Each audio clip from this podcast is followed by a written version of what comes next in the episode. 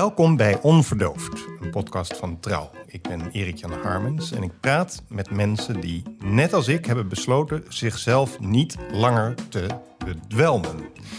Tegenover mij zit Michiel Smit. Hij schreef een boek over zijn gameverslaving. Het boek heet Game Boy. Het verscheen in 2018 bij Atlas Contact. En uh, Michiel, we komen straks wel te praten over de verschillen en overeenkomsten tussen jouw uh, gameverslaving en mijn drankverslaving. Er zijn ongetwijfeld uh, allerlei verschillende overeenkomsten tussen. Maar laten we eens beginnen bij level 1. ja. Je bent begin 30, mm -hmm. maar we gaan voor level 1 even terug naar uh, puberteit. Ja. Waarin je opgroeit in, uh, in Haarlem. Ah, level 1 van verslaving dus meteen. Ja, meteen ja. level 1 van de verslaving. Ja, ja. ja. En, uh, maar voordat we op dat gamen komen, eerst maar even op de transitie die je beschrijft in dat boek. Mm -hmm. Van open jongen ja. naar gesloten jongen. Ja, oh. Vertel eens. Ja, dat was heel interessant. Um, ik heb dus, uh, we beginnen bij level 1 en level 0 was eigenlijk 5 tot 12, waarin game echt hartstikke leuk was. Uh, heel veel lol mee gehad met uh, Mario en Yoshi en Zelda, noem maar, maar op. En de transitie kwam bij mij toen ik naar de brugklas ging. En ik was inderdaad een hele nou, extraverte, een beetje bijna te energieke jongen. Vooral voor het schoolsysteem. Het is niet altijd handig als je een heel energiek jongetje bent van 12. En... Um, je ja. was te outgoing of zo? Ik was behoorlijk outgoing. En ik, uh, nou, ik, ik was ook een jongen die... Ik, ik kwam nooit op de meisjeslijstjes. Weet je, dan schreven die meisjes in groep 8 mm. van die lijstjes van... Oh, wie zijn de leukste jongens? En ik ben misschien een keer bij een, een, een niet, heel, ja, niet heel populair meisje op nummer 5 gekomen. En uh, ik had zoiets van... Nou wil ik ook gewoon even shine. Als eerst worden gekozen bij voetbal. En, en gewoon een beetje cool zijn of zo. Dus mm. ik was al best wel uh, ja, extravert. En toen ging ik, ik schoot echt die brugklas in met een soort van, ah, ik ga hem nu veroveren. En je was op een missie. Ik, ja, nou, niet, het was niet te heftig hoor. Het was niet een soort van filmisch en mm. episch, maar het was wel een beetje too much. Ja. En ik was ook wat jong, ik was een jonge leerling. En ik werd gewoon hartstikke gepest eigenlijk, vrij snel. Ik ging Michili de Billy. Ja, klopt. Zo ik, werd je genoemd. Ja, mijn naam is ook echt fantastisch voor. Ik wil homofilie, necrofilie, ja, ja. Uh, alles met ili. Uh, mm. En dat zijn er veel.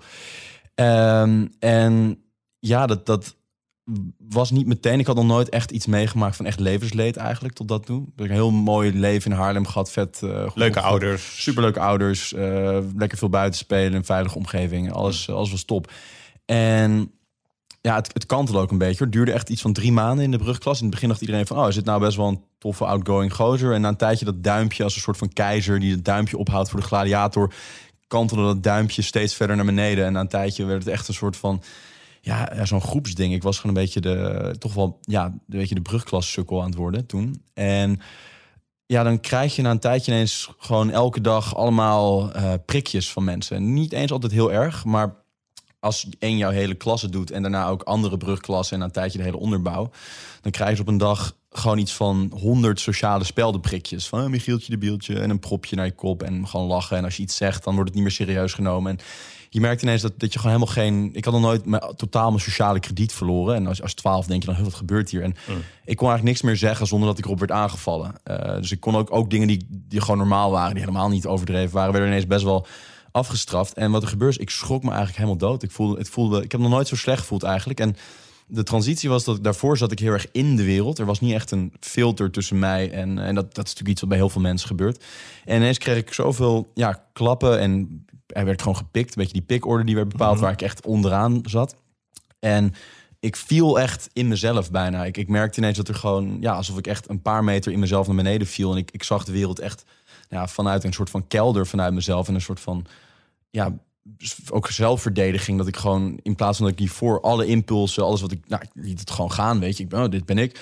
En daarna werd ik helemaal, ja, een beetje heel, is eigenlijk heel introvert, een beetje half autistisch bijna. Of zo van, huh, ik schrok me helemaal dood. En ik... Zullen we daar heel even ja. Uh, het tempo onderbreken? Mm -hmm.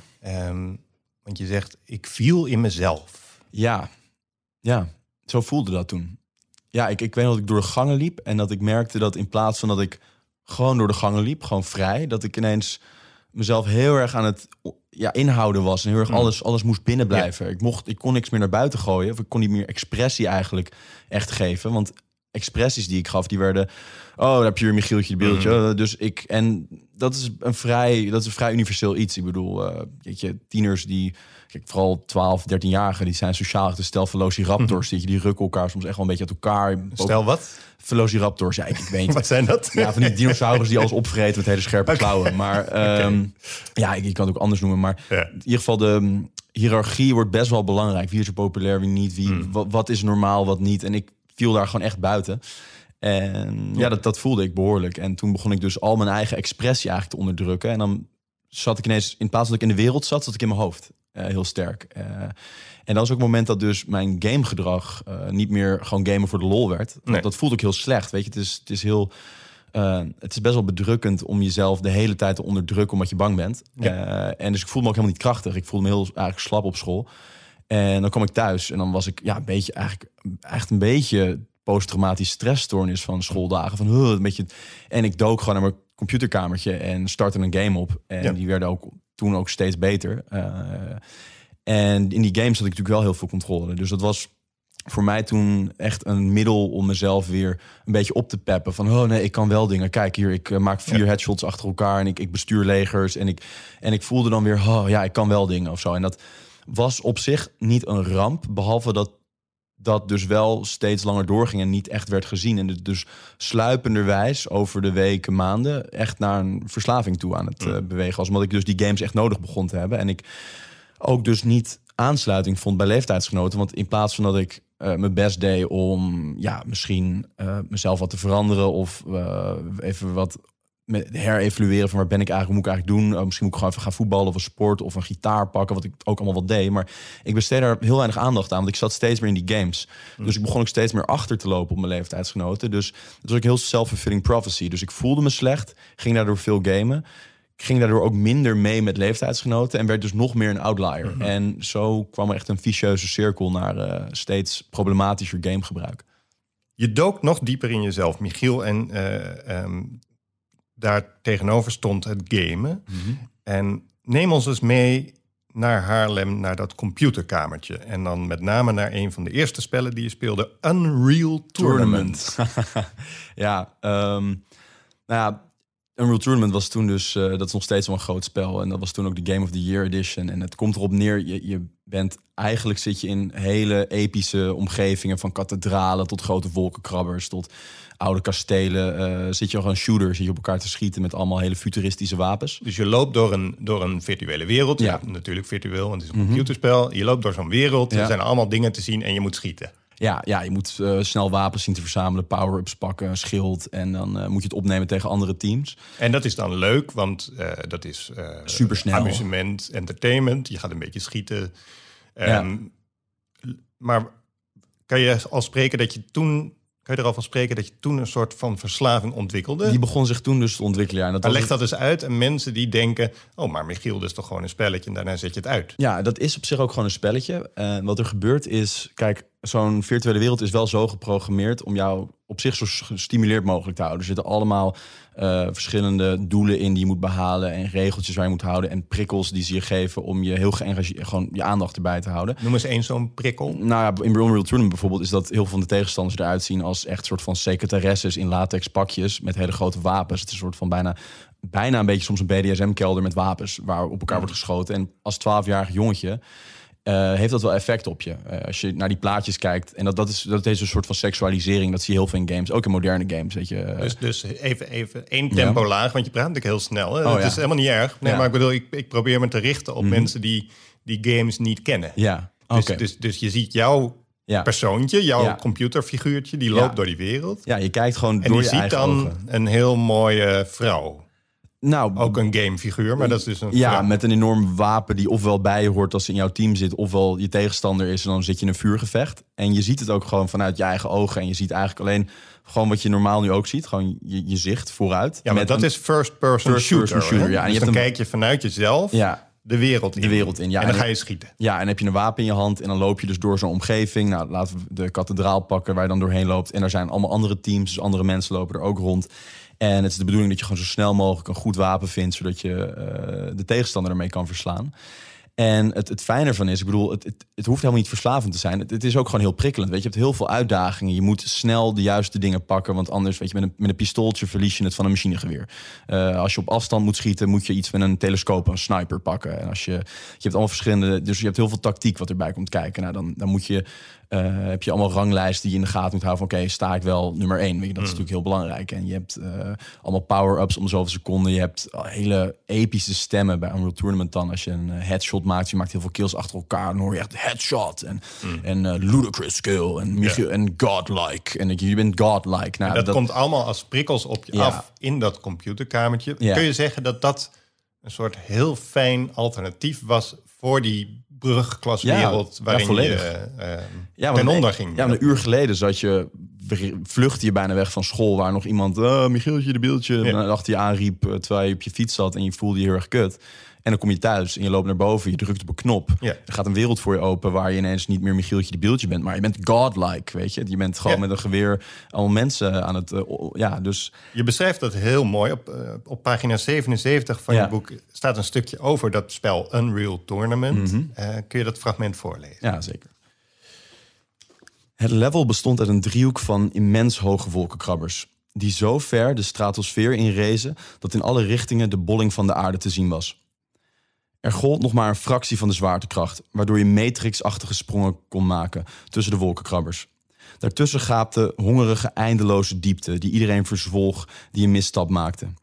Verder was er niets dan oorlog. Dit was Unreal Tournament, een dystopische toekomst waarin mensen niet meer geboeid naar de Olympische Spelen keken, maar waarin een futuristische en geseksualiseerd gladiatorgevecht ieders opium was geworden.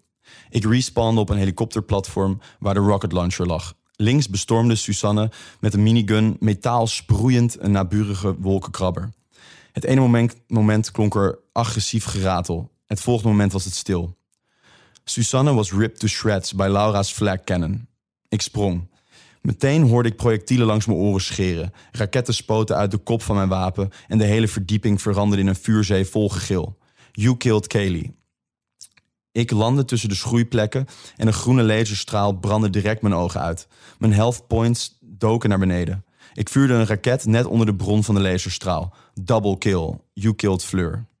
Als je dit nu voorleest, voel je dan nog die drug van dat spel, zeg maar drug dan D-R-U-G, als je me begrijpt. Ja, nou ja, ja, ik herinner me dat nog heel goed, ja. Ja, dat, uh, dat is natuurlijk een veel betere rush dan dat jij uh, de sukkel bent die geen expressie durft te geven, weet je. In mhm. plaats van dat je jezelf aan het inhouden bent omdat je bang bent, ben je jezelf helemaal aan het laten gaan met een heel groot wapenarsenaal. Dat is, dat is een enorme wereld van verschil. En dat, dat denk dat het voor heel veel kinderen geldt, dat ze niet het gevoel hebben dat ze heel krachtig kunnen zijn in het echte leven, maar die mhm. game, daar ja. zijn ze halfgoden. Toch is het bijzondere aan jou um, dat jij al toen, in, in, level 1, mm -hmm.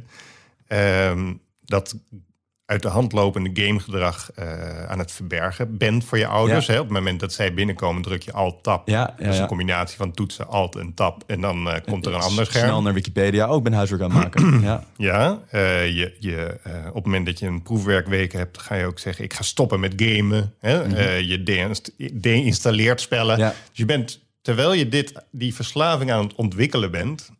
ook al bezig met het stoppen. Ja, Meteen al. Ja, het voelde ook meteen al slecht. Zeg maar, ik, zeg maar, het voelde heel dubbel. Um, ik voelde natuurlijk ook als ik dan vier uur ineens had gegamed en soms langer na school, dan had ik wel het gevoel van shit, uh, wat heb ik nou aan substantieels? Wat, wat, wat heb ik nou echt bereikt? Ik heb alleen maar honderd mensen uh, neergeschoten. En ergens, kijk, een deel van mijn, je begrijpt de wereld niet zo goed als 12 jaar, maar ergens heb je wel een intuïtie van hey, uh, dit klopt niet helemaal en ik loop nu weer een dag extra achter op de rest. En je voelt je dus nog machtelozer eigenlijk. Ik loop alweer een dag achter op de rest. Ja, ja, ja, want ik, ik, ik had ook veel vriendjes hoor verder. Ik was een hele, ik was een hele sociale jongen. Het is niet, ik was helemaal niet zo'n standaard. Uh, wat, soms hebben we het beeld van een gameverslaafde als een beetje sociaal geïsoleerde jongen, maar dat, dat was ik eigenlijk helemaal nee, niet. Want je ging ook skateboarden. Ik ging skateboarden. Ik had een voetbalteam. Ik, ik deed gitaar. Ik, ik deed echt van alles. Ik had een hele fijne gelukkige buurt dus in Haarlem. Dus, dus wat was dan het probleem? Nou, dat ik dus echt een knauw had gekregen van het leven. Daar ineens diep onzeker was geworden over mezelf. En die onzekerheid aan het soort van verdoven was met die games. Hm. En dus ik voelde me dus ook slecht eigenlijk nadat ik had gegamed. Uh, steeds iets meer. Ik bedoel, het is, het is echt een heel glijdende, ja, sluipend proces. Maar eh, het stomme was dat doordat ik me slecht voelde na het gamen, me dat eigenlijk alleen maar een extra motivatie gaf, een extra prikkel gaf om opnieuw eigenlijk weer te gaan gamen, want ik wilde me weer beter voelen. Dus dan was ik klaar met gamen en dan nou, dan ging ik skateboarden met mijn vrienden bijvoorbeeld. En dan waren die allemaal weer beter geworden in die konden ineens allemaal kickflips en heelflips. En ik bleef een beetje bij de ollie hangen. Weet je. Ik, ik, de ollie is ook een, is een trucje, heel simpel. veel simpeler trucje dan de rest. Een beetje basistruc. ja. En dus ik stagneerde op, met voetbal, stagneerde ik met, met uh, skateboarden, met gitaar spelen. Met, ook met gesprekken met leeftijdsgenoten. Ik wist na een tijdje hip-hop en RB en, en uh, Usher en weet ik wat. Ik, ik wist niet waar iedereen het dan over had als ze naar feestjes gingen. Dus ik stagneerde en nou, bleef stilstaan. En, uh, en dat voelde slecht. En, en een deel van, als je 12, 13 bent, kun je dat niet goed voor jezelf nog verwoorden. Je, kan er, je, je kan er, je, je, geest is nog net een beetje te klein. En je bent nog net te onervaren om het echt helemaal te snappen. Maar ergens voelde ik het wel. Maar je kunt ook zeggen dat jij natuurlijk dus, dus ook iemand was al, op je twaalfde al, die zichzelf voortdurend vergeleek met anderen. Even los van het gamen. Want je, ja, nou, dat begon wel. Want je begint ineens te merken dat anderen beter worden dan jij. En je, je gaat dus. Dat, dat, waarvoor was dat niet zo. Daarvoor vloog ik gewoon die, die middelbare school in de brugklas. En mm. dacht ik. Nu is het mijn moment to shine, weet je. Uh, en nu ga ik lekker uh, op de basisschool ook. Je, je ziet wie er steeds eerste wordt mm. gekozen met, met pispoot voor voetbal. Je ziet wie er met jongens pakken, meisjes pakken, wordt gepakt door de meisjes. En je spreekt wel over een tienjarig, elf uh, Maar je, voelt zo ook. Uh, dus je hebt al best wel een instrument om te kijken van oké, wat bereik ik en wat bereiken anderen? Weet je, daar, daar ben je als kind hartstikke gevoelig voor. Mm. En je merkt dus ineens gewoon van hé, hey, ik, ik mijn, ik bereik een stuk minder. Ik ben minder goed in dingen. Ik ben, terwijl dat niet zo hoort te zijn per se. Want ik, ik had best talent voor van alles. Maar ik benutte dat talent nul meer. Want ik was gewoon ineens, in plaats van dat ik een uurtje en soms twee uurtjes en soms een keer drie uur aan het game was op een dag, was ik nu gewoon echt structureel hmm. drie, vier, vijf, zes, zeven, acht. Uh, weet je, dat, dat varieerde een beetje. Uh, weet je, soms had je nog een voetbaltraining. En, en ik, ging ook, ik probeerde ook echt tegen te vechten. Hoor. Dan probeerde ik wel te skateboarden. En ik probeerde ik heb heel veel dingen. Dan ging ik wel heel erg op mijn gitaar spelen. Maar Um, en voelde je dan dat slechte wat je beschrijft? Ja. Voelde je dat dan al? Want je zegt van dan, dan stopte ik met gamen en dan voelde ik me slecht. Maar voelde je dat ook al tijdens het gamen? Een beetje wel. Ging je dan wel echt op in die wereld? Nou ja, dat is het punt. Dan komen we bij die vorige vraag van je. Van hmm. Mensen denken dan van ja, het is toch gewoon een spelletje. Maar kijk, eh, games toen ook al en nu nog veel meer. Het is nu nog relevanter. Maar het zijn uh, enorm vernuftig, of heel technisch in elkaar gezette uh, ja, voorgeprogrammeerde omgevingen die bedoeld zijn om de speler zoveel mogelijk stimulatie te geven en zo, hmm. ja, eigenlijk zo erg mogelijk op te zwepen, zodat die speler ook zich enorm vermaakt en ook daardoor uh, met het spel bezig blijft. Uh, dat was toen ook al een incentive. Dus ze willen jou zoveel mogelijk prikkelen.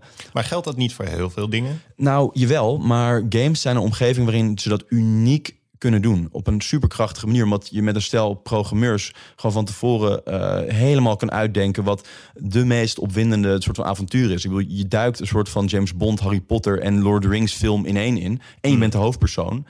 Uh, en je kan dus zelf erin spelen. En um, de, het is heel moeilijk om op andere manieren uh, net zo'n stimulerende omgeving te creëren als in games. Dat is de essentie. Dat is de essentie. En ik, daarom noem ik games dus zelf ook. Herhaal dat nog eens. Het is heel moeilijk. Ja, je kan bijna niet. Uh, als jij een leraar bent op school, het is onmogelijk om een kind net zoveel stimulatie te geven. Want je moet er ook 30 moet je je aandacht over verdelen. Mhm. Maar een game is er helemaal voor jou. Uh, en hij is helemaal jou aan het feedback geven. Hij geeft jou kleine subdoeletjes. Hij laat jou geeft die feedback over hoe goed je het aan het doen bent. Uh, en jij bent het middel, je bent het middelpunt van het, van het soort van ja, de, van het scherm waarop jij aan het spelen bent. En al je acties hebben, hebben effect. Weet je, niemand kan je negeren. Zoals op school, daar, daar kon ik af en toe dingen zeggen. Dan werd ik of gepest of ik werd gewoon genegeerd. Nou, als ik met een, met een geweer door iemands hoofd heen schiet, kun je dat niet negeren. Weet je, dat, dan heb ik gewoon. Je hebt je bent sowieso ben je een krachtige persoon. Of je nou. Mhm. En dat is niet zo. In sowieso ben je een krachtige persoon. Ja, nou ja, wel als je er een beetje tijd in hebt. Als je er, ja, in het begin niet, want dan word je de doodgeschoten. Ja, wat is ook een groot verschil. heel veel kinderen raken niet verslaafd, omdat ze ook niet uh, per se heel goed worden in games. En dat is heel interessant. Ik, ik, ik heb dus neurobiologie gestudeerd daarna. Ah, ja. Een klein uitstapje makende. Is dat in ongeveer rond deze tijd dat dit gebeurde, uh, werden er ook uh, studies gedaan die nu niet meer mogen trouwens. Want dan moet je radioactieve tracers in het brein gebruiken. Mm. Maar dan kun je kijken hoeveel dopamine komt er nou vrij in de beloningscircuits bij gamen. En dat was aan het einde van de 20e eeuw, was dat al op het niveau van amfetamines. Uh, dus, Hetzelfde effect. Ja, dat was een, simpel tankspelletje. Dat was een simpeler spelletje dan wat ik speelde. Was ook niet per se online met andere mensen. En daarbij kwam dus al gigantisch veel dopamine vrij in die beloning, beloningscircuits... die bij alle verslavingen uh, de kernrol spelen. Maar dit was nog niet bij... Uh, kijk, ik, ben, ik word dit jaar 50, dus ik ben opgegroeid. Op een gegeven moment kwam Pac-Man. Ja, nee, dat, dat, nou, je hebt wel verslagen van mensen... die echt heel obsessief aan het Pac-Mannen waren. Maar ja. dat is er. Maar dat is wel veel maar dat moeilijker. zijn minder vernuftige... Ja, ja, ja. Hè? En met minder lagen. Ja, en geen verhaal. Nee, je kijkt er zelf snel op uitgekeken. En wat je daar zegt is ook weer een heel goed soort van structuur... die games steeds meer gebruiken is het verhaal en het epische narratief. En ik, ik heb zelf een keer een analyse gemaakt van games over hoeveel verschillende lagen van stimulatie daarin Mm. zitten. En ik, ik kwam boven de 20. En dat heeft inderdaad het verhaal, de seksualisatie, de directe feedback die je steeds krijgt, de, de eerlijkheid van een spel. Weet je, het is goud eerlijk. Iedereen is even, in principe is ieder poppetje, elke avatar heeft evenveel levens, heeft evenveel vermogen om een ander eh, neer te schieten. Het enige is hoe jij het bestuurt. Maar dat is de enige variabele waar je zelf controle over hebt. Ja. Verder is alles gelijk. Maar het is dus heel eerlijk. Het is een hele eerlijke wereld. Tenzij er wordt gecheat. Maar Ja. los van cheaten, van mensen die het spel met een programmaatje hacken, eh, is het een hele eerlijke wereld. Dus dat is nog zo'n eh, structuur die heel fijn werkt. En dan heb je dat er ook natuurlijk niveaus worden steeds heel klein beetje opgekrikt. Je wordt gekoppeld aan mensen die ongeveer even goed zijn als jij. Eh, je hebt allemaal hele expliciete rangordes en hiërarchieën die je elk moment, elke milliseconde worden geüpdate om bij te houden hoe dat gaat. Je hebt allemaal geluid eh, wat behoorlijk opzwepend is. Ja. Weet je, een spel begint niet met een soort van eh viooldeuntje, la la la la, la. Nee, het is tegenwoordig als je League of Legends opstart, dan is het gewoon welcome to a world. En je weet, je bent de held en jij moet, jij moet het, eh, de, de orde in de kosmos, daar moet jij gaan herstellen. En eh, ja, weet je, dus het is heel, er zit, er zit veel meer omheen tegenwoordig. Je hebt het over het ehm, koppelen aan andere mensen. Dat is eigenlijk level 2 Ja. waar ik naartoe wilde. Ja. Ik heb een hele mooie structuur bedacht voor dit Ja. gesprek. Zoals dat ook, eh, zoals ook elke game natuurlijk een Ja, mooie ja structuur jij bent ook bezig met een stimulerende structuur. Ja, zeker. Ik probeer jou te stimuleren. Ehm, level 2 Ja, gaat samen met de opkomst van eh, snel internet. ja, En eh, je speelt ook, en dat beschrijf je ook heel mooi in je boek, je speelt niet meer tegen de computer, nee, je speelt tegen elkaar. ja, Dan heb je ook dat spel natuurlijk, wat iedereen wel van naam kent, eh, World of Warcraft. ja. waar jij samen met een maat van je heel even Ja. twintigste van Europa was. Ja, ja, we stonden... ja, dat, dat staat in het boek. Ja, wat, nou, ik- wat ik wil zeggen is, eh, het was niet World of Warcraft, het was Warcraft. Dat is Oh, dus sorry. de voorloper van. Oh, ik dacht dat dat hetzelfde was. Nee, Kijk, nee, daar het is totaal anders. Want World Oh. of Warcraft is een roleplaying game. Dat is nog weer een andere versie waarbij je... Ik dacht dat ik echt iets wist nu. Ja, nee, nee, nee Warcraft. Warcraft, Het is, oké. het is wel hetzelfde, het is hetzelfde universum. Het is net zoals het is op, op elkaar gebaseerd. Eh, maar ik speelde nog de strategy game. Dat is dus dat je als een soort van generaal die boven, het, boven de wereld hangt. Je zit bijna een soort van generaal, zit je op een wolk en kun je van bovenaf kun je alles Ik besturen. ga jou onderbreken. Ja, We hebben het over Warcraft. ja, Een strategiespel. ja. Ik denk echt dat de mensen luisteren Ja. en die proberen dit bij te houden. Mhm. Maar die kennen die games misschien niet. ja. Dus als jij zegt Warcraft, Ja. een strategiegame, je hangt boven de wereld. Dus je ziet de wereld van bovenaf, alsof je erboven vliegt in een Mhm. Luchtballon. Ja, ja. En probeer eens heel rustig uit te leggen wat je dan ziet als je dat speelt. Oké. ehm, je begint en je ziet als eerste voor je eigenlijk een, landschap van bovenaf. Dus net als dat je op Google Earth op een bepaald eh, gebied kan kijken. Dus je ziet bergen, Je ziet bergen, je ziet bomen, je ziet riviertjes en eh, grote grasvlaktes. En je ziet in het begin bij Warcraft altijd een goudmijn en jouw basis. Een goudmijn? ja, dus- je ziet een goudmijn. Ja, je ziet een goudmijn. En ehm, want je hangt dus nou, boven een stuk eh, grasland met wat bomen er ook altijd bij. En je hebt een heel groot gebouw, staat er ook naast die goudmijn.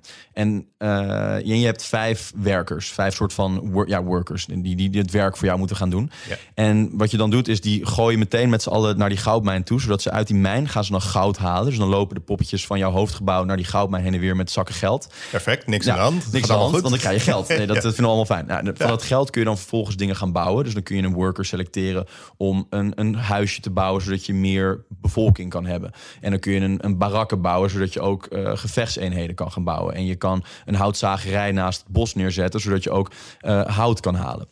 En zo moet je dus eigenlijk je economie ook eh, meteen... er komt er een heel economisch eh, de- deel bij. En dan moet je zorgen dat je ook een perfecte economie hebt... want met een zo goed mogelijke economie... kun je zoveel mogelijk geld uitgeven aan je leger. Dus dan ga je steeds uitgebreidere legers bouwen... die je ook weer kan upgraden... en eh, met allemaal ja, special skills... en een nieuwe soort van ja, betere gebouwen... met nog weer sterkere eenheden. Maar je speelt tegen Ja, anderen. je speelt tegen elkaar. Want en, je zit elkaar dan dwars ook. ja, want je ziet maar een klein stukje van het, van het map. Je, ziet bijvoorbeeld, je hebt bijvoorbeeld de regio, nou, je speelt op Noord-Holland... en jij zit ergens in een stukje Haarlem. Heb jij een, een baasje ben je aan het bouwen... en iemand anders is in Amsterdam een baasje aan het houden... en nog iemand in Horen. Eh ligt eraan van hoeveel mensen je aan het eh, spelen bent. En dan ben je dus je economietje aan het bouwen. Je ziet elkaar dan nog niet. En dan moet je dus met jouw leger en een tijdje een, een held die je maakt. Je kan een hero bouwen. Die, eh, en, eh, ga je dan het, het- de grotere map verkennen. En dan bouw je dus een steeds groter legertje rond, op waarmee je aan het rondlopen bent. En dan probeer je eigenlijk de ander eh, ja, te verslaan. En er zitten nog allemaal andere Want dan heb je op een gegeven moment slagen of zo, veldslagen. ja, dan heb je veldslagen gewoon. En, en die zijn heel snel en heel complex. Of in ieder geval, ja, dus je kan zo complex maken als je wil. Je kan echt een heel hoog niveau erin bereiken. Dat je dus ja, precies moet uit. Want iedereen heeft weer net andere eenheden. Weet je, de een dan speel je met de orks. En heb je een stel orks met bijlen en shamanen die dan weer eh, zo'n ork weer kunnen oppompen. Dat die helemaal in bladlast gaat. En dan hoppen, dan vallen ze de elfjes aan die dan ergens eh, ja, met pijl en je aan het schieten zijn. Dan moet je er tactisch kijken hoe je nou het beste je, je, je eenheden zo kan positioneren en zo kan st- aansturen dat jij de slag wint. En hoe weet je dat dan? Want je krijgt er neem ik aan niet een gebruiksaanwijzing bij. Nee, dat is allemaal uitvinden. Dus dat is Trial and error. Ja, nou ja, dat. Maar je kan ook gewoon de, de singleplayer spelen. Dat je niet meteen online gaat. En dan heb je dus het hele verhaal. Dan heb je het verhaal van Warcraft, van die... ehm, en dat is nog niet World of Warcraft. Maar dan heb je gewoon het, het verhaal van de, ja, van de humans, de undead... en de, de orcs en de elfen, de night elves. Die, De undead zijn zombies. Ja, dat zijn die die proberen de wereld over te nemen. Het zijn Oh, de, de, de doden zijn meestal de bad guys. Ja. En dan probeer je dus een, een, ja, de overname van de wereld door de undead probeer te voorkomen. Vanuit de verschillende, eh, vanuit de verschillende rassen. En dan heb je dus een hele verhaallijn die ook best wel, best wel leuk in elkaar zit. Ja. En normaal, weet je, als je 12, 13 bent, het is gewoon wauw, ik ben in Battle of Middle-earth beland en ik bestuur alles. En bovendien is, is Lord of the Rings ook hele mooie strategy games geworden. Je hebt ook heel veel Lord of the Rings strategy Ja. games. Maar dat, ja, Ja. En nou, dit, dit spel ontstond met de komst van snel internet. En dan Ja. ga je dus tegen elkaar. Je, kan, je vertelt van je kan eerst zelf even oefenen, droog oefenen, zeg maar. Ja. En daarna ga je dan tegen elkaar. En je schrijft in je boek dat met die komst van eh, snel internet de natste droom van je innerlijke gamer oh werd verwezenlijkt. De natste droom Ja. van mijn innerlijke gamer. Ja, nou... Kun je dat eens proberen wat eh, te laden? Pas op met wat je opschrijft. Maar het is denk ik dat je daarvoor, want het was dus echt die overgang. We spreken nu begin eh 21ste eeuw. Ja. En toen kwamen dus al het, echt dat snel genoeg internet om met echt, nou, met, met zes, eh, drie tegen drie, vijf tegen vijf, gewoon echt grote teams tegen elkaar te spelen. Dus wat er dan gebeurt, is dat het aantal spelopties is in één keer on- oneindig. Want daarvoor speelde je ja, soms een beetje krakkig, mikkig, één op één tegen elkaar. Of je speelde vooral tegen computers. Ehm, en zodra je tegen andere mensen speelt, die andere mensen die gedragen zich veel rijker en veel dan, dan een computer dat doet. Die, die, en die ontwikkelen zichzelf ook. Dus ineens zit je zijn het aantal spelopties zijn eh, één praktisch oneindig geworden en twee het is veel competitiever geworden. Want uiteindelijk een computer heb je na een tijdje door. Die speelt gewoon zo. Nou, dan doe ik, doe ik deze strategie en dan win ik. Maar een, een ander mens die is, nou, net als bij een voetbalwedstrijd, die probeert een bepaalde tactiek op jou toe te passen. Dus dan is het ineens veel interactiever geworden en ook en veel competitiever. Weet je, je voelt je veel beter als jij een, eh, een ander team verslaat, uit, bestaat uit mensen. En dat kan van overal zijn. Eh, Je speelt- Waarom, waarom voelt dat beter dan als je van de computer wint? nou, een computer is niet, dat is niet knap. Na een tijdje is het niet knap van een computer te winnen. Want een computer doet, je kan hem zo moeilijk instellen als je wil, maar uiteindelijk heeft hij gewoon, vooral in die tijd, kijk, tegenwoordig is het nog weer anders, want nu heb je veel betere AI en eh, tegenwoordig zijn computers. AI is kunstmatige Art- ja, art- intelligentie. kunst- ja, eh, kunstmatige intelligentie. Dus Dat nu moeten zijn, mensen mij even googlen. Ja. kunstmatige intelligentie. ja, die, die zijn nu, wat trouwens ge- tegenwoordig pro-gamers, die trainen tegenwoordig vaak tegen kunstmatige intelligentie. Want die kunnen, een, een kunstmatige intelligentie eh, tegenstander, die kan in zijn virtuele brein, kan die gewoon honderdduizenden potjes afspelen. eh, en daaruit gewoon de beste strategieën oppikken en gewoon regels voor zichzelf schrijven om het spel te spelen. En daar komen hele interessante dingen uit. In bijvoorbeeld de League of Legends, wat nu een van de meest gespeelde spellen is. eh, daar maken de pro-gamers, die maken best wel veel gebruik van juist kijken, wat doet nou een kunstmatige intelligentie? Maar, maar goed, dat, dat is nu. Toen terug waren computers veel eenvoudiger. Dus de tegenstand van een computer was eigenlijk vrij suf. Dus je raakte toen nog wel uitgekeken op spellen. Maar je raakt niet meer uitgekeken op spellen als je tegen mensen speelt. Want eh, ja, die mensen ontwikkelen zich ook door. Dus jij moet jezelf ook doorontwikkelen. En je wil winnen. Net als met een, met een voetbalcompetitie. Je wil gewoon, er is een motief. Je wil gewoon eerste worden. En je wil laten zien, nee, ik ben, ik, ik, ik ben beter. Ja, maar je werd dus met een Ja. maat, Ja. 20ste van Europa. Ja, was wel, nou ja, er stonden eventjes een Ja, tijdje. nou ja, ja, precies. Eh, en dat was wel meer dankzij hem. Was eh, Wouter Roggeveen. Die was eh schaakkampioen ook. Hij was jeugdschaakkampioen. Hij was, ja, hij was zeker de betere speler. Ik had Bij wel deze de credits voor Wouter Roggeveen. Wouter Roggeveen. Hij was zeker de betere speler. Maar we hebben wel, ik bedoel, ik was, niet, ik was ook echt wel goed. Weet je, als je na een tijdje... Maar vind je dat dan ook zelf, dat je echt wel goed bent? Want je, Ja. je, je vertelt dus ook over die, ja, laten we zeggen, die, veenbrand van ontevredenheid die er ook is. Nou, en, dat is het moeilijke, want je bent, weet je, je bent 12, 13, 14 en je bent het wereld aan het ontdekken hoe het allemaal werkt. Dus je weet het ook allemaal niet. Dus het ene moment voel je je heel goed over het gamen, want kijk eens hoe lekker het gaat. En het volgende moment ben je gestopt en denk je, shit, nou heb ik weer allemaal tijd te verdoen. En oh, mijn proefwerken niet voorbereid. En je bent... Is dat te vergelijken met, want toch wel in het gesprek even aan de orde hebben. Kijk, bij drinken Ja. en ook bij drugsgebruik. Heerlijk duidelijk. Ja, maar dan heb je dus ook dat je bestaat uit Ja. twee personen. Ja, Namelijk die persoon die, laten we zeggen, gebruikt. Of in jouw geval dan gamet. Hè? ja. En dan daarna komt de andere persoon die daar ontevreden over ja is. je, Dus je, je bent voortdurend... persoon en je, de persoon die je echt daadwerkelijk uitvoert. Ja, Ja. Ja, zeker. Dat, dat speelt volledig. Eh maar ik bedoel, je bent, je bent zo complex als mens. Je hebt onbewustzijn met allemaal verschillende kanten eraan. En, en je, je, je hebt een verlangen om ineens... eh, nou ja, je, je, je raakt als 12, 13, 14... Ja, je raakt je ineens een beetje... Je, je seksualiteit wordt ineens belangrijk. Je, je, sociale status wordt ineens heel anders belangrijk. Je hebt ineens wat serieuzer schoolwerk. En Ja. je moet het allemaal uit met elkaar uitbalanceren. En dat is best wel een moeilijk probleem. En dan heb je die games die een heel makkelijk probleem zijn. Dus dat voelt, heer, dat voelt heerlijk. Ja. Dus dan ga je daarheen. Maar ja, dan voel je ook wel weer van... ja, maar shit, ik ben mijn andere problemen eigenlijk niet aan het oplossen. Eh, maar je bent nog eigenlijk te jong om dat wel op te lossen... en te zien wat je aan het doen bent. Of je, je, sommigen wel hoor, sommigen zijn wel bijster genoeg waarschijnlijk. Dat is wel elk individu weer anders. Maar heel veel kinderen raken natuurlijk een beetje in de knoop... en merken gewoon... Ja, in die games ben ik helemaal niet in de knoop. Daar ben ik hartstikke efficiënt, effectief. Ik ben, denk heel snel. Ik maak leven op dood beslissingen in, in, in, in millisecondes. En nou, dus dat voelt heerlijk. En ehm, ja, dus en je bent dan wel een beetje gespleten. Want terwijl je aan het gamen bent, zit je in die flow, voel je je geweldig. Maar ondertussen ben je natuurlijk ook gewoon die- het jongetje dat eh, allemaal andere eisen van het leven op zich Ja. afkrijgt. En die andere eisen van het leven, daar ga je in onderpresteren.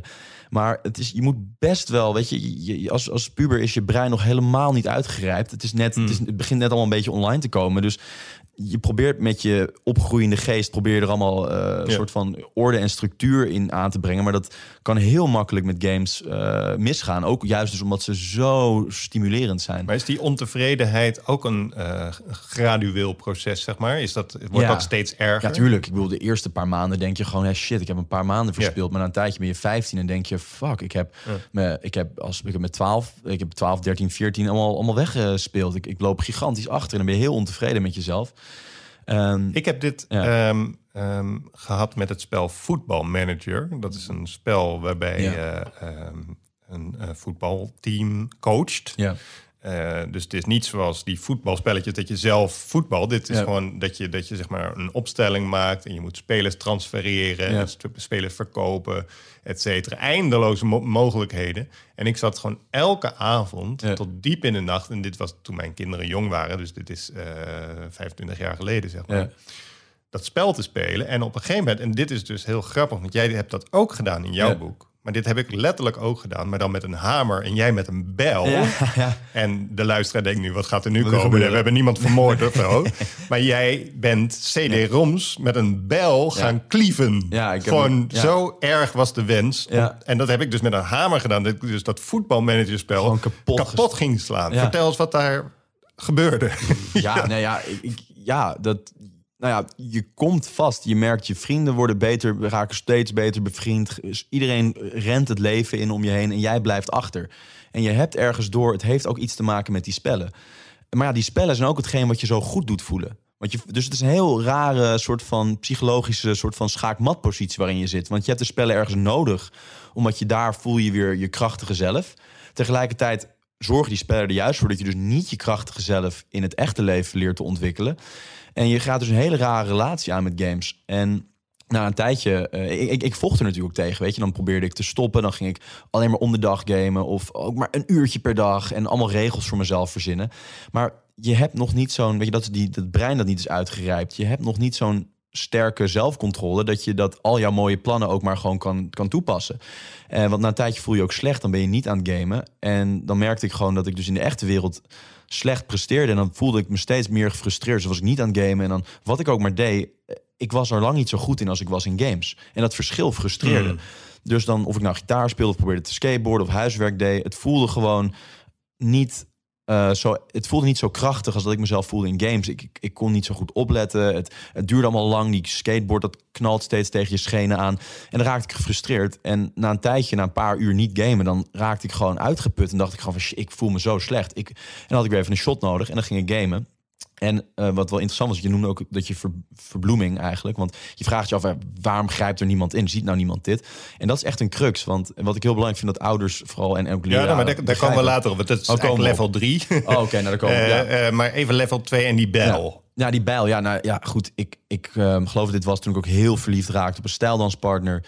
En ehm, ja, ik, ik, ik had daar niks te bieden. Ik, ik, ik, ik was met vrienden nog aan het stijldansen. Dus ik deed ook nog van alles wel. Ja. En ik raakte heel erg verliefd op mijn stijldanspartner. En eh, zij ook wel een beetje op mij. eh, maar ik, ik was toen al, toen was ik al vier jaar vol echt aan het gamen. Er zit een hele mooie afscheidsscène van haar in. Ja. hè, Dat jullie samen fietsen. En Ja. dan weet je niet wat je moet doen bij het afscheid nemen. Dat is natuurlijk heel Kerst, was- teder ook. Ja, heel- kerst en er was sneeuw. En het was, Ja. eh, ja, en, en we stonden voor haar huis. En in een game zou je dan misschien gewoon naar voren zijn gestapt... en daar volop de mond ja, hebben en genomen. in een game had ik mooi actie kunnen nemen. Hier, ja, maar in het echt. In het echt, nee. Ik, ik, ik, ik, in de reflectie van de liefde die ik voor haar voelde, stuitte ik echt op zelfwalging. Ik walgde echt een beetje van mezelf. En dat verlamde me totaal.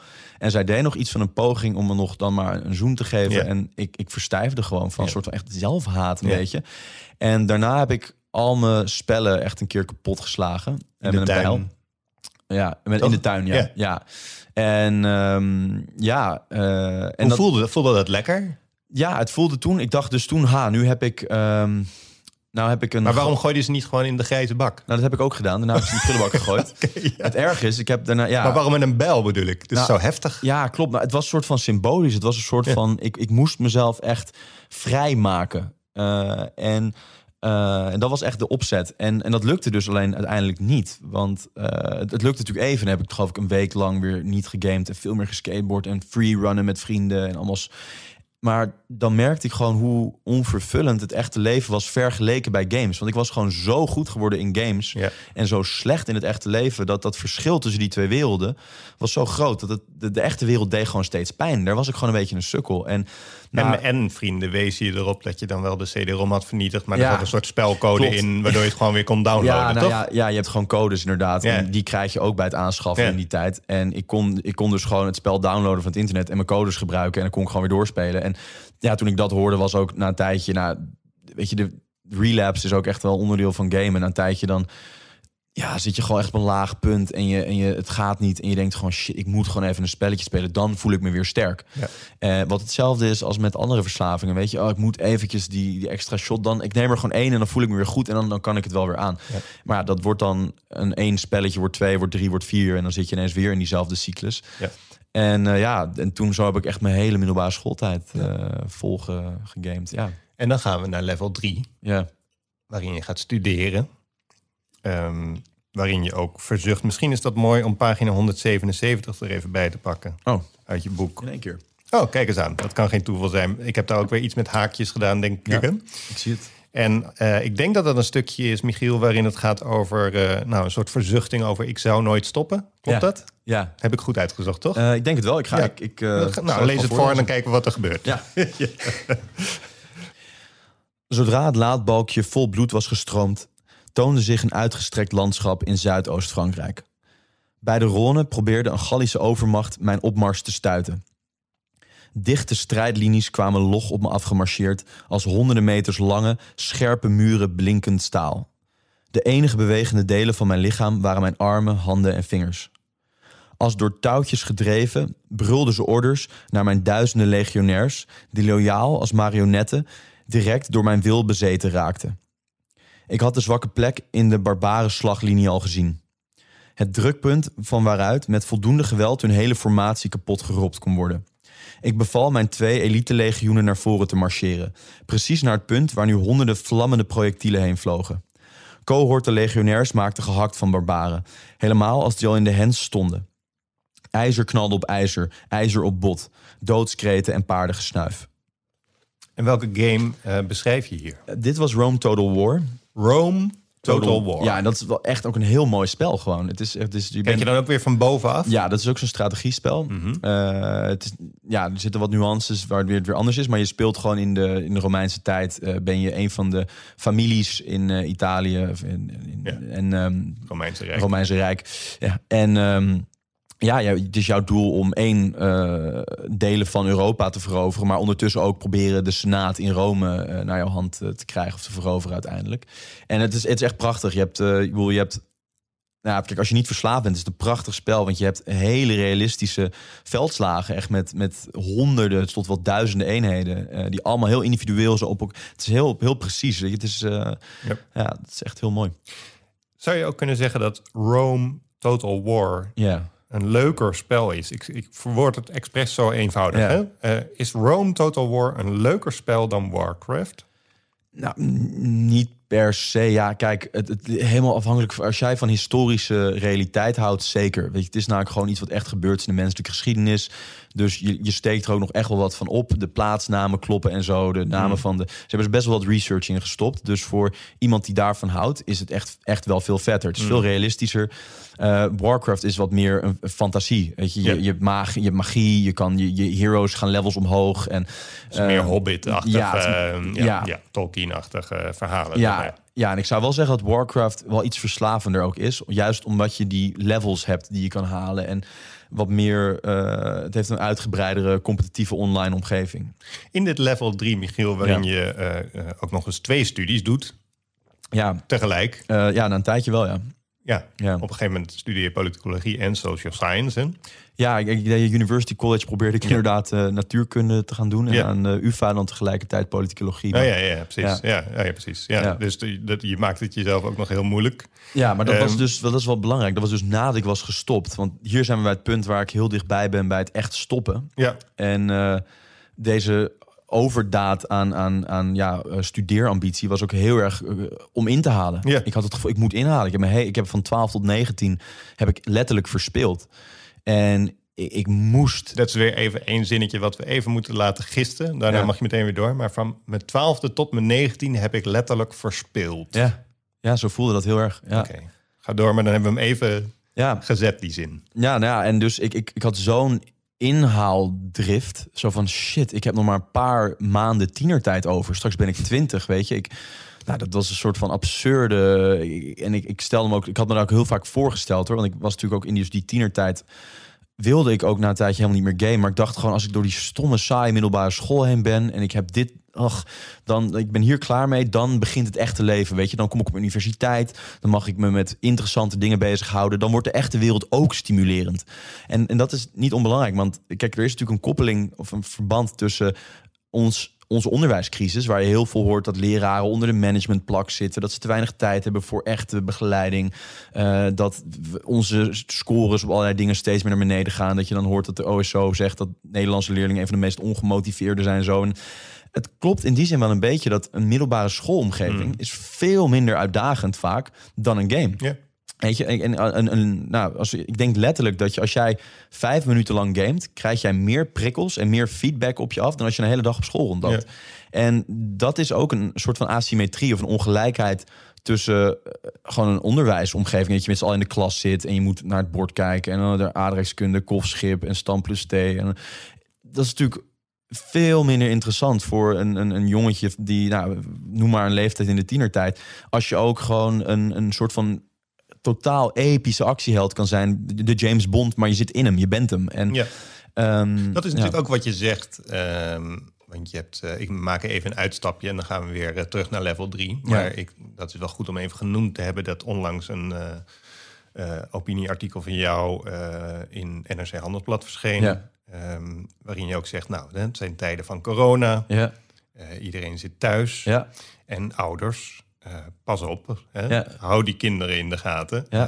Eh, we komen straks nog op jouw ouders hoor. Dus die structuur blijft overeind. Maar je zegt in, die, in dat opinieartikel in NRC van pas nou op. En Ja. eh, geef naast die games, die je misschien als afleiding kunt gebruiken, geef die kinderen nou kleine taakjes. Ja. Zo zeg je letterlijk. Ja, nou, als, als voorbeeld wat, iets wat Ja, je zou kunnen doen. Maar dat is ook vergelijkbaar natuurlijk Ja. met een game waarin je ook steeds kleine taakjes hebt. Ja, ja. nou ik denk heel veel ouders vinden het moeilijk denk ik om hun kinderen te managen. Die, weet je, die vliegen alle kanten op. Ze zijn bundeltjes van potentie die de wereld eh, aan het ontdekken zijn. Ja. En nu heb je dus de coronatijd en iedereen moet binnen stilzitten. Nou, wat je ook ziet, en dat zie je, heb je in China zag je dat al heel vroeg in januari en in Italië daarna, maar in alle coronahaardvuren is dat je ziet dat eh, online eh, dataverkeer neemt enorm toe, maar ook games. Het is echt aan het verdubbelen op heel veel plekken, wordt er gewoon dubbel zoveel gegamed. Ja.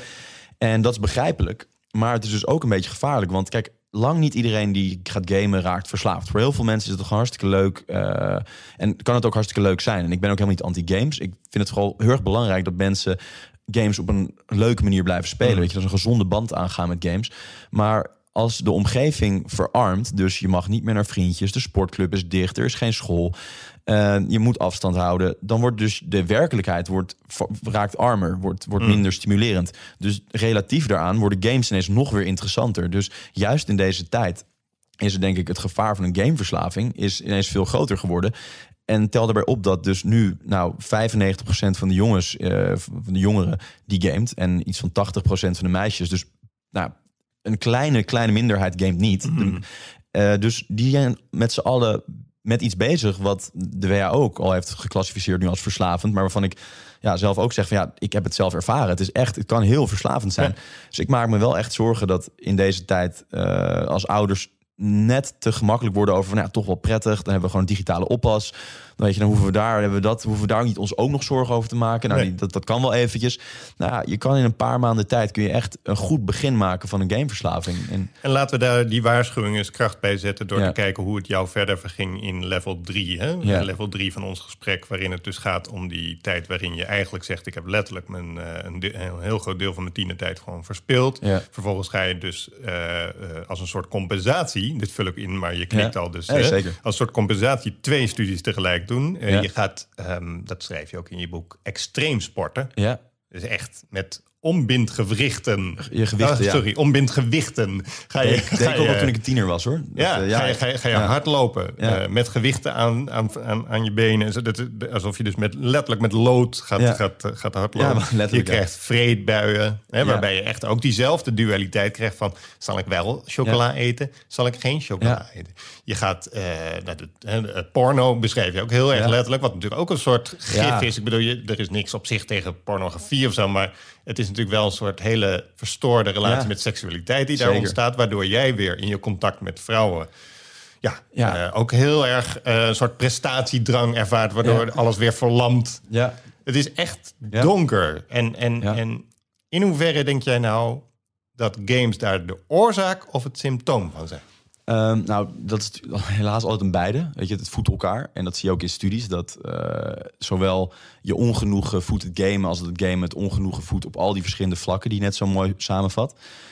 En ehm, je, je precieze vraag is... eh, hoe- Nou ja, is, is, is het gamen daar nou een uitvloeisel van? Ja. Is het gamen daar een oorzaak van? Ja, nou dus beide. Ja, die, Ja. die legt er zoveel neer dat ik zoiets van... Ja, sorry. Dat is hartstikke mooi. Dat is echt van, nou, goede samenvatting. Ehm, kijk, ik denk dat als mens ben je op zoek naar een manier om je in, dus gewoon in de wereld jezelf een rol aan te kunnen nemen. En games kunnen, die, kunnen dat voor je vervullen. En het probleem is alleen dat als dat te veel gebeurt, je al die problemen die je net zei, daar ga je allemaal tegenaan lopen. Want games zijn vaak geseksualiseerd. Ja. En ehm, je leert geen, heel veel dingen in games leer je ook niet. Weet je, zelfcontrole is niet iets wat je per se leert in games. Het gaat alleen maar om zo snel mogelijk je impulsen achterna gaan. Liefhebben? Liefhebben, eh, gezichtsexpressies, eh, lange termijn planning, langer dan een kwartier, zeg maar, zit er allemaal niet in. Dus zijn allemaal dingen die je niet leert met nee. gamen. En Nee. dus het zijn hele, weet je, het zijn heel mooi geprogrammeerde omgevingen, maar ze zijn ook heel plat. Eh, weet je, de echte wereld is veel rijker. Maar als jij dus je hele tienertijd je geest aan het rondpompen bent in virtuele werelden, dan wordt jouw geest net zo plat een beetje. Vooral als je dus jong bent en je nog heel erg in een formerende fase zit, dan vormt jouw brein zich ook naar die redelijk platte en straightforward structuren van games. Ja. En dan leer je ook minder zelfcontrole. Je leert, eh, je leert veel minder goed ook jezelf voelen. Want kijk, als jij in een game zit, je bent daar niet echt. Je bent een avatar. Dus je hoeft niet naar je eigen lichaam te luisteren. Weet je, je wordt overspoeld door taakjes en Ja. stimulatie van die game. Maar daardoor sta je niet zozeer in contact met jezelf. Je bent dus niet aan het nadenken, oh, misschien moet ik met mijn vrienden gaan afspreken. Misschien moet ik, nou, dat, dat denk je wel een beetje, maar ja, dat is moeilijk. Moet je weer gaan bellen? hè? Dat is veel Ja, je makkelijker. schrijft letterlijk ook over je studie, studie, studententijd. Schreef je, mijn, mijn medestudenten zijn buitenaards. Ja, nou dat, ja, want het punt is dus dat ik na zo lang gamen was mijn geest dus heel erg gevormd Ja. door die gamestructuren. En ik sloot dus niet meer lekker aan bij de echte buitenwereld. Dus ik merkte dat ik, hoe ik me verhield in de buitenwereld. Maar dat bedoel ik dus met oorzaak en gevolg. Hè? Want we begonnen dit gesprek Ja. natuurlijk met die tijd... waarin je eh, ehm, eh, in Haarlem Ja, ging gamen... juist omdat je niet aansloot. het was allemaal niet met me gebeurd als ik bijvoorbeeld eh, mezelf op mijn twaalfde helemaal had gestort Nee. in een instrument of in een sport of in een. Want het punt is, kijk, dat is wel een belangrijk verschil. Heel veel mensen denken van ja, oké, maar vroeger lazen mensen toch ook heel veel boeken of Hmm. mensen kunnen ook heel obsessief gaan sporten of heel obsessief een instrument gaan spelen. Maar er is een heel groot verschil tussen die activiteiten. Namelijk dat games zijn elk moment van de game, vanaf het moment dat je het naar, ernaar kijkt, als het in pictogrammetje is al heel episch, als je erop klikt, komt er een heel episch voorfilmpje en je wordt er helemaal ingetrokken en die game doet op alle manieren zijn best om jou te prikkelen. Dat heb je met een instrument dat staat daar gewoon. Jij moet jezelf motiveren om dat instrument te pakken. Ja. Je kan een leraar nemen, nou die leraar ziet je dan misschien een keer in de week, maar Tenzij je op top, top, top niveau eh, sport of een instrument speelt, krijg je lang niet zoveel begeleiding als die game jou geeft. Die game begeleidt elke milliseconde van dat je bezig bent. Maar dat is ergens heel prettig. Je weet precies waar je aan toe bent. Je weet precies hoe goed je het doet. Het geeft heel veel gevoel van controle. Je gaat vooruit, je maakt progressie, je zit in een flow. Ja. En dat zijn dingen die een game voor jou automatisch voor je doet. Terwijl normaal, als jij probeert een sport of een instrument eh, aan te leren, dan moet je heel veel uit jezelf halen. Jij moet jezelf motiveren om, weet ik veel, als Roger Federer gewoon ballen te blijven slaan tegen die muur tot je een ons weegt. Jij moet jezelf motiveren om die bal hoog te houden, om te gaan hardlopen. Je moet om, om, om de, de week veel die de, de toonladders op je gitaar, eh, weet je, allemaal te spelen. Die gitaar is niet steeds met elke goede noot die je aanslaat jou 10 bonuspunten aan het geven. Weet je, als je stel je zou een gitaar zou gegamified worden, dan zou die al als je hem pakt al een soort van enorm rockconcert laten horen van hoe daar ga Mm. je. Dan vervolgens zou je eh, precies het nummer geven dat jij nu zou moeten leren spelen en om als je, beter een te worden. als je een akkoord niet goed zou pakken... dan zei je... woe Ja, dan zou je ja, een soort van Woe, guitar, guitar wat, wat Guitar Ja. Pro natuurlijk of Guitar Hero eh, doet dat spel. Dat is ook een spel. Dat is ook ja, dus een Ja. gitaarspel. Dus daar heb je een gamified gitaar. Maar in de normale wereld moet jij jezelf motiveren. En dat is echt een heel cruciaal ding van games. Is eh, ze automatiseren motivatie. Weet je, als mensen eh, automatiseren we van alles. Dat is technologie. We Mm. hoeven niet meer zelf te werken vaak, want machines kunnen dat voor ons doen. Maar met games hebben we eh, motivatie geautomatiseerd. Dus we hoeven onszelf niet meer te motiveren. De game motiveert ons. En wat je dus merkt, is dat dus ook jouw motivatiespier, de spier of je- je- jezelf je tot iets aanzetten, wordt heel slap. Maar het zou allemaal werken toch, Michiel... Als we in die virtuele wereld zouden geloven? Nou ja, je moet. Om, Als je er echt in ja. zou geloven. Dus Ja. die, die wereld van die computer. Ik bedoel, je, laten we zeggen, je slaapt acht uur... Ja, en de overige 16 uur game je. ja, dat sommigen doen dat. Dan kan het werken. Nou, dan kun je game pro worden bijvoorbeeld, of, of gigantisch verslaafd met een uitkering. Maar je kan niet gelukkig worden. eh, want kijk, de game. Je bent dan wel gevangen binnen de structuren van het spel. Je kan niet iets anders gaan doen dan die men. Ja, er zijn natuurlijk duizenden spellen, dus je kan heel verschillende spellen kiezen. Maar de spellen die het meest gespeeld worden, worden niet voor niks het meest gespeeld. Dat zijn vaak de actiegames. Als je de top 20 spellen kijkt, allemaal actie. Met echt Ja. één uitzondering daar. En, eh, en dat zijn ook allemaal bedrijven die miljarden eh, tot hun beschikking hebben. eh, die ze ook investeren met allemaal teams die die spellen zo uitdagend mogelijk maken. Maar allemaal volgens hele eenlijnige structuren. Weet je, Eh divide and conquer. Vind de vijand, versla de vijand. Vind snel goede wapens. Bouw een goede economie. Bouw een goed leger. Dus je kan. Je kan wel 16 uur per dag gaan gamen, maar dan ben je steeds met hele eenzijdige taakjes bezig. En terwijl als jij dus een instrument speelt, je kan emotie erin leggen. Je kan zingen over wat je opa en oma hebben meegemaakt. eh à la Geert Mak. Je kan een liefdesnummer schrijven. Je kan een Ja. nummer schrijven. Je kan gaan rappen over sociaal onrecht wat er nu plaatsvindt. Je bent betrokken bij de wereld. Weet je, je kan met een instrument kun je nog steeds oneindig veel expressie. Weet je, er kan oneindig veel menselijke expressie door kunst heen. Er kan maar heel weinig expressie door games heen. De expressie die er door games heen kan, kan er wel heel intens doorheen. Het kan super. En dat voelt heerlijk. Ja. Maar het is een hele arme vorm van expressie. Die prima is voor een uurtje per dag. Maar die jouw geest ook heel eenzijdig en eenlijnig maakt als je het echt excessief gaat doen. En iets van nou 15% van de Nederlandse jeugd speelt vier uur per dag. Ja. En dat, en dat was in 2017. Dat neemt alleen maar toe. Want hoe lang geleden, Ja. Michiel, is het dat jij voor het laatst hebt gegamed? Ja, dat is grappig dat je het zegt. Ik heb de afgelopen weken toevallig redelijk wat gegamed. Eh, moet ik toe, eh, toegeven. En dan moet ik er meteen bij zeggen dat dit is nadat ik tien jaar lang dat helemaal niet heb gedaan. Dus je hebt tien jaar lang niet gegamed. Nee, vrijwel niet. En ik heb, eh, toen ik het boek aan het schrijven Ja, was... vrijwel niet, snap ik niet. Nou, ik ben dat boek dus gaan Wel schrijven. of niet? Nou, ik, ik ben dat boek gaan schrijven, maar Ja. ik wou natuurlijk wel relevant blijven. Want ik, ik Ja. besefte me, ja, ik beschrijf het gamen van eh, begin 21ste eeuw. En ik wilde natuurlijk ook kijken waar goede games nu heen. Dus ik heb Hmm. over de schouders van vrienden meegekeken. Af en toe zelf heel even een spelletje. En dat was, toen was ik ook al zes jaar niet meer aan het gamen. En dat viel me toen ook echt zwaar. Zeg maar, ik eh, vond het niet makkelijk, maar dat deed ik ook om dat ik wel dacht van ja, ik kan wel mijn hele hart eruit schrijven over en de mensen proberen te waarschuwen Ja, ja, ja. middels dat boek. Maar ik moet wel ook nog in contact staan met de materie. dus je hebt als een soort research dan Ja. af en toe. Maar En dat laten we zeggen dat. week best wel wat gedaan dus. Want- Ja, want laten we zeggen dat je tien jaar, Ja. dan min of meer, laten we even voor het gesprek zeggen, tien jaar niet hebt gegamed, Ja. afgezien van wat research. Ja. En dan de afgelopen weken in tijden van corona Ja, ja. heb je wel even een beetje gegamed. ja, ik ben de allernieuwste games gaan spelen. Terwijl als je stopt met drinken of drugs gebruiken, kan je niet meer af en toe even nog één. Dus ja, er zijn mensen die het kunnen, maar er zijn heel veel mensen die zweren bij die nul. Ja, dat, dat is de 12 stappen Minnesota-model Ja. van eh eens verslaafd, altijd verslaafd. Ik denk dat dat heel goed advies is. Ik zou ook zeker tegen iedereen zeggen die er naar luistert, wees niet naïef en denk dat als je een maandje of al zelfs een paar jaar clean bent, dat je meteen bam weer kan gaan gamen. Dat kan Maar niet. kan jij nu weer normaal gamen dan? Niet Gewoon als, als entertainment. Nou, eh, niet, ik denk het niet. Niet, niet op die manier. Ehm, het moet echt een soort van functioneel zijn. Er moet een hoger doel dienen. Van oké, ik ben, ik ben nu begonnen aan boek 2. Dat is niet onbelangrijk. Ik ben dus met het tweede boek begonnen. Ja. Ehm, want er komt heel veel op ons af qua gamen. Het is de allergrootste industrie op dit moment. Ja. De eh, van entertainment-industrie. Het is driemaal nog wel meer dan groter dan Hollywood. Het heeft enorme groeicijfers. Eh, grappig genoeg door de coronacrisis groeit de game-industrie nu alleen nog maar harder. Dat zei je. Dus als je aandelen wil kopen, koop ze in de gaming-industrie. Maar doe maar niet. Ehm, Goeie dus beleggingstip. Nee, de virtual reality komt eraan. Dus er komt echt een gigantische golf van Hmm. eh, ja, gamificatie en van gaming op ons af. Dus ik, ik, ik vind het echt heel belangrijk dat mensen dus wel wakker worden dat dit geen neutrale spelwerelden zijn, maar dat het ge- geprogrammeerde spelwerelden zijn die niet per se bedoeld zijn. Ik denk niet dat er boardrooms vol game developers zitten die denken, ha, hoe gaan we iedereen nou verslaafd maken? Ik denk dat ze ongeveer zoiets denken als, nou, wij, wij maken gewoon een heel mooi kampvuurverhaal. Weet je, vroeger vertelden we elkaar verhalen bij het kampvuur. Wij hebben gewoon de moderne versie van een heel vet verhaal.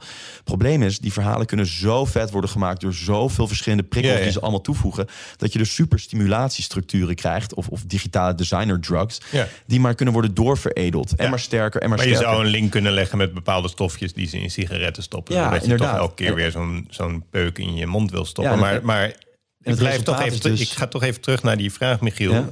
Dat jij dus nu... Want welk spel heb je gewoon lopen spelen dan de afgelopen weken? Nou, ik heb gewoon vooral de topspellen gespeeld, eventjes met vrienden ook, hoor. dus niet in mijn eentje op een kamertje. Eh, maar vind je dat dan vond je dat niet eng? Ja, ik, eh, nou ja, ik merkte ook dat het zelfs tien jaar later dat ik echt gewoon, weet je, kijk, je, je brein is een heel organisch groeiend iets. Het is een heel net, allemaal netwerken die er echt zijn. Weet je, er liggen duizenden banen en snelwegen daar.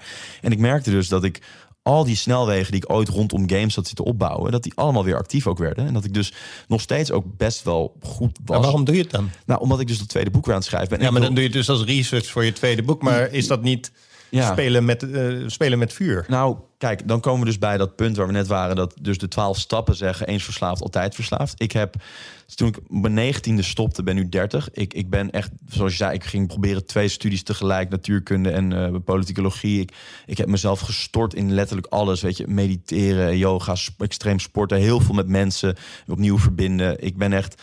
Dat is het punt, weet je, als je echt verslaafd bent geraakt, dan heb je een soort van, ja, echt een spiritueel nulpunt maak je mee, of een soort van onvrijheid. Je maakt extreme onvrijheid Ja. mee.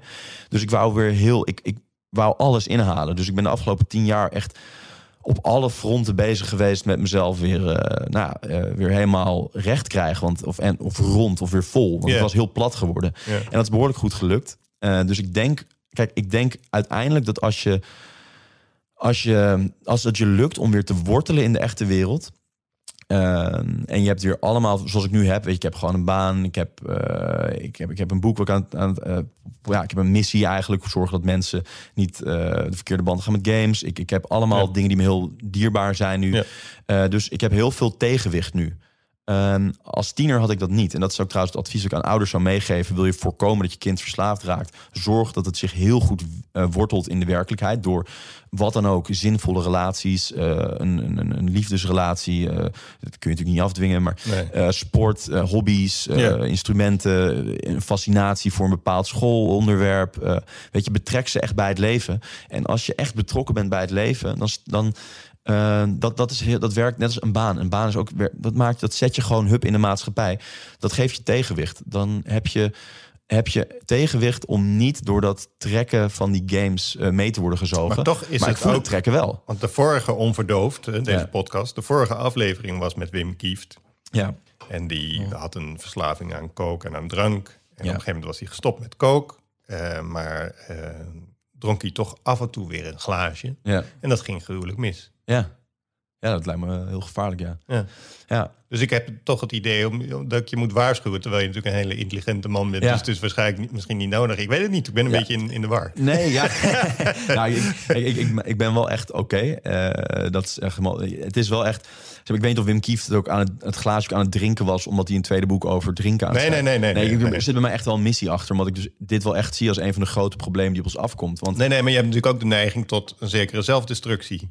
Eh getuige je boek. Ja, ehm, ja, al heb ik die wel gelukkig dus omgezet. Zo, zo zie ik ook het hele proces van het boek schrijven wel. Als dat ik van mijn, mijn ehm, beerput een beetje mijn goudmijn heb gemaakt om Mm. aan anderen door te geven. Goudmijn net als in een Warcraft. Ja, nou ja, ja dan, dan heb je me weer tuk. Shit. Nou ja, maar wel, ik heb, weet je, het, is, het is heel belangrijk als je... Kijk, je moet daar niet lichtzinnig in zijn. Je moet niet naïef worden en denken... oh, eh, ik ben er nu wel. Want dat, dan, dat je hoogmoed komt voor de val. Dan ga je meteen onderuit. Ik ben er niet lichtzinnig over. En daarom zou ik echt niemand aanraden om te denken... oh, ik ben gameverslaafd geweest. Nou, ik kan wel weer even. Ehm, dat gaat mis. Ik heb ook veel voorbeelden gezien waarbij het misging. Eh, ik heb een jongen gecoacht... Eh, ik coach af en toe ook mensen. En die was eh, ook, hij was bijna pro, maar hij was 26, 27, hartstikke super high functioning gozer, heel hoog niveau, deed die programmeren. En hartstikke intelligent, slim, ook sociaal hartstikke vaardig, maar veel te veel gamen. En die zei ineens tegen me, shit, ik sta, ik ben gestopt met gamen, waar ik had hem was maar aan het helpen. En hij eh, merkte ineens dat hij nog steeds nu in de top 20 van de wereld stond. En dat hij dus naar de kampioenschappen in Bali kon. Dus hij zei, Michiel, ik ga nog één keer even proberen pro-gamer te worden. Eh, gewoon, ik kan 250.000 euro verdienen. Als ik, eh, als ik win, nou, een spelletje, 250.000 euro. Hij zei, ik kan die kans niet laten liggen. Nou, een maand later had ik hem aan de lijn. Zei hij, shit, ik, ik kan niet eens, ik heb er niet eens lol in. Ik, ik, sta, ik sta net twintigste. Ik heb nul kans om dat te gaan winnen, want ik ben weer helemaal in verslaafde structuur aan het raken. Eh, en die is, ja, die is daarna is hij echt naar een afklikkliniek eh, gemoeten.